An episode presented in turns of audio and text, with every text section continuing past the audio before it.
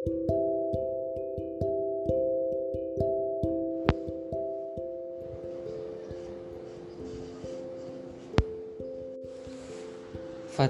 Al-Fihriya adalah seorang saudagar kaya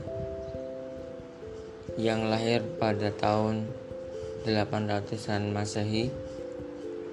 Lahir di negara Tunisia, berbatasan dengan laut seberang yaitu di Spanyol.